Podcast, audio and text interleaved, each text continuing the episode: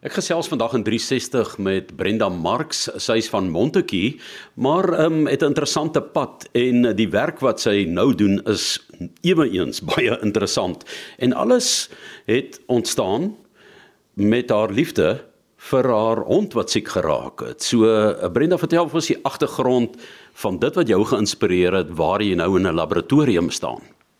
Uh, okay, dis 'n lang storie, maar ek gaan dit nou so kort as moontlik vertel. My hond is gediagnoseer met kanker en um, ek het baie opgeleese navorsing gedoen oor die helende werking van cannabis en en hoe die plant werk met verskillende siektestoestande.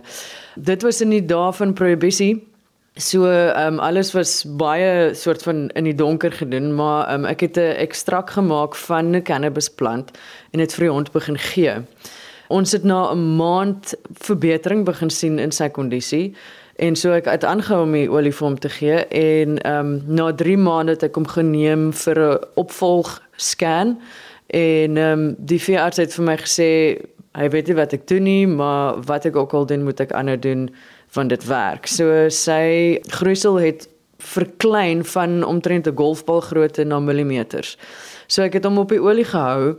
Maar wat wat my gepla het was as gevolg van my agtergrond, ek is 'n analitiese chemikus wou ek weet wat dit is wat ek vir hom gee. En in daai dae was dit onmoontlik om 'n laboratorium op te spoor uh, wat vir my kon cannabis toets van dit dit was nog onwettig en ek het toe 'n plan gemaak en 'n instrument in die hande gekry wat ek dit van die huis af kan toets en dit is hoe ek begin het om cannabis te toets. So jy het 'n uh, meestersgraad in chemie en uh, dit is natuurlik net om vir mense te sê moenie nou na jou garage toe hardloop en begin om ekstrakte en goed te maak nie. Dis juist die probleem, maar nou met die nuwe wetgewing is daar nog steeds problematiese areas. Onlangs was in Kaapstad 'n baie groot um, cannabis uitstalling gewees waar mense bymekaar gekom het en tog mag hulle nie een plan daar gehad het nie en ek weet hulle het met die rookmasjien wat hulle nou die geur eintlik wou versprei het dat jy weet waar jy is uh, ook 'n probleem gehad hulle moes dit gestaak het en natuurlik die gesondheidsregulering wat baie baie belangrik is vanuit 'n medisinale oogpunt. So vertel vir ons um, wat het intussen uh, gebeur die afgelope uh, 4, 5 jaar vandat die wetgewing ook verander is. In 2018, September 2018 het die grondwetlike hof die uitspraak gemaak dat dit nie grondwetlik is om dit krimineel te maak om cannabis te groei, te besit of te gebruik nie. So dit is in jou privaat omgewing nie. Van daar af, daar is nog intussen geen wetgewing wat cannabis wettig maak nie. Dis nog nie offisieel wettig nie, maar dit word soort van toegelaat om dit in privaat te gebruik. Dis baie moeilik om te verduidelik want daar daar's niks werklik in die wetgewing geskryf dat jy dit mag doen nie. Wat die grondwetlike hof wel gesê het is dit is teen die grondwet om dit onwettig te maak om dit in jou persoonlike privaat hoedanigheid te hê. Intussen is parlement 24 maande gegee vanaf 18 September 2018 om die wetgewing te verander. Ons is nou in 2023, daar het nog niks gebeur nie. Intussen het die Medicines Act, verskoon my Engels, ek ken nie al die Afrikaanse woorde nie. Hulle het 'n verandering gemaak om cannabis uit te haal en hulle spesifiseer nou net as as 'n geskeduleerde medisyne of 'n geskeduleerde substance nou spesifiseer hulle net THC, dis nou in Afrikaans, tetrahydrocannabinol of 'n cannabidiol wat CBD is. So CBD is nou ehm um, geskeduleer as skedule 4 en THC is nou geskeduleer as skedule 6 waar die cannabis plant as skedule 7 geskeduleer was. So daar's redelik min veranderinge wat nog nog gebeur het en daar's baie partye wat besig is om te lobby by die mense wat daarbo die groot besluite maak. En ons ons hoop dat daar binnekort ehm um, wat ons mag en nie mag doen nie. Betel my 'n bietjie van die medisyne beheerraad want daar is wel hoe sê die ou mense papiere uitgedeel, jy weet lisensies om te kan funksioneer. Wat wat het dan daar gebeur want ek dink is ongeveer 90 wat al toegeken is. So Johan, die medisynebeheerraad staan nou deesdae bekend as SAHPRA, the South African Health Products Regulatory Authority.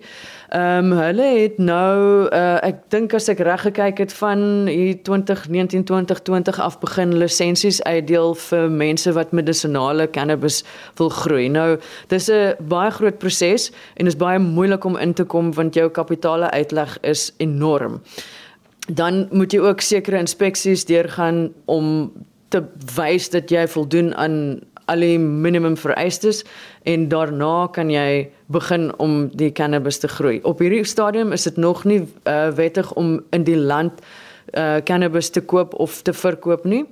Uh, so al die medisonale cannabis wat gegroei word, eintlik moet uitgevoer word. Tensy jy 'n gelisensieerde plek het wat dit aankoop om dit te verwerk na meer geïsoleerde uh, komponente soos jou THC en CBD, maar daai THC mag nog nie in Suid-Afrika verkoop word nie. Dit moet alles uitgevoer word. Op hierdie stadium soos jy gesê het, is daar amper 90 lisensies nou al toegeken aan groeifasiliteite. So dit het dit het nogals vinnig gegaan, maar daar's daar's heelwat aansoeke wat nog op hulle um, lesenaars lê wat nog toegeken moet word. All the testing for marijuana past is it marijuana inventing all of this science? And if so, we're going to destroy it. Jy het so 'n lisensie ontvang en jy bedryf 'n laboratorium. So wat doen jy in die laboratorium? Johan, ek het die lisensie na 'n struggle van omtrent 2 jaar uiteindelik in die hande gekry. So hulle doen hulle werk baie deeglik. Wat die lisensie vir my nou beteken is ek mag die uh, medisinale cannabis toets in my certificate of analysis, dis die resultate wat ek vir die mense uitgee word aanvaar deur ons South African Health Products Regulatory Authority. Ek het ook 'n permit om hemp te toets.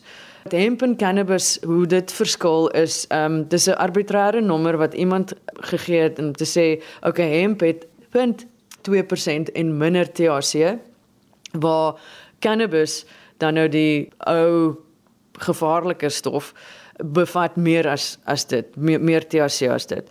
So dis waar hemp en cannabis geskei word hoewel daar's 'n groot debat wat ons kan aanvoer oor ehm um, of daai getalle wetenskaplik uh, ondersteun word of nie. Dit is 'n hele debat op 'n ander dag. Maar in geval dis hoe dit heidaglik is. So wat die wat die hemp voorgebruik word is vir boumateriaal, papiere, voedsel, biofuels. Daar's ehm um, letterlik tientalle gebruike wat hempvork gebruik kan word en dis dis nie net vir tou soos in die ou dae wat hulle hemptou van gemaak het nie. Cannabis en hemp is eintlik dieselfde spesies, Cannabis sativa.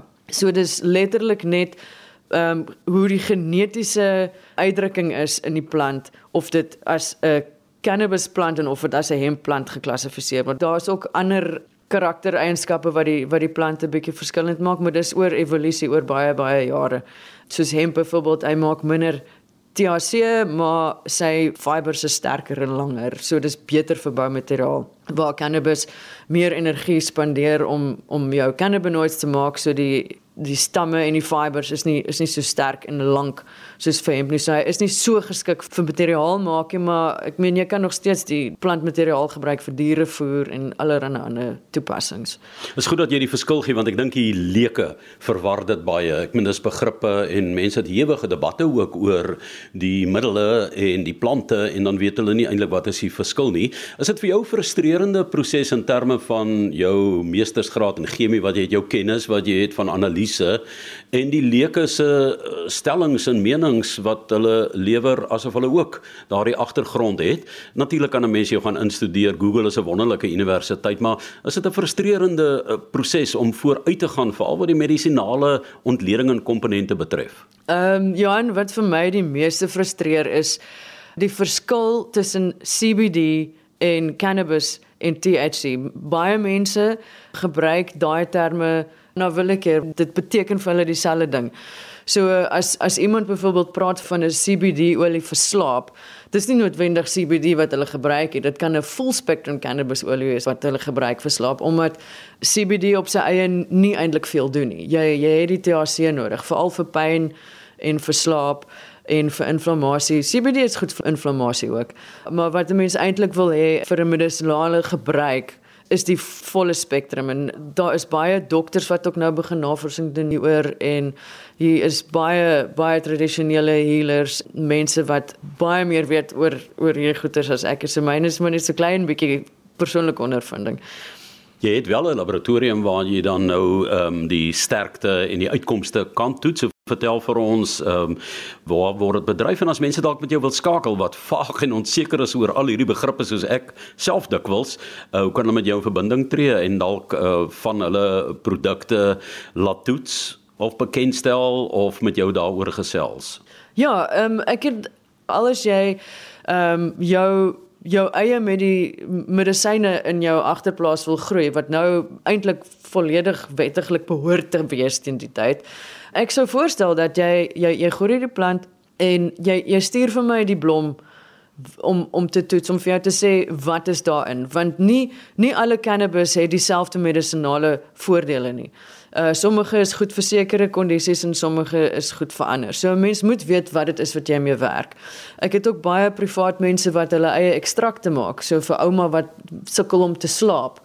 Jy wil weet wat jy vir daai persoon gee, nie net nie net oor jou cannabinoid verhoudings relatief tot mekaar nie, maar ook die sterkte van die olie wat jy maak. Jy wil weet as jy vir daai persoon 2.5 mg in die aand gee, wil hulle elke aand 2.5 mg kry en nie vanaand 2.5 en môre 10, dan kry jy gevolge wat party mense nie altyd van hou nie. All the testing for marijuana past is it marijuana inventing all of this science? And if so, we're going to destroy it. Ouma moet die verskil ken tussen cannabis en kamilletee. Jy weet so Brenda Marx wat op die voorpunt is van navorsing wat gedoen word in 'n veld wat um, eintlik stadig ontdooi, maar ek dink nog 'n uh, groot rol in mense se lewens gaan speel. So my laboratorium se naam is Cure en jy spel dit Q U R E. En uh, die beste manier om ons in die hande te kry is stuur 'n e-mail na hello@cure.co.za qure.co.za. Belangrik om geverifieerde inligting te kry. Brenda Marx wat met jou daaroor sal gesels want daar's net te veel leuke wat hulle menings gee en met haar agtergrond kan 'n mens by 'n uh, ordentlike tipe van besluit dan uitkom. Dit was Brenda Marx in Montetjie.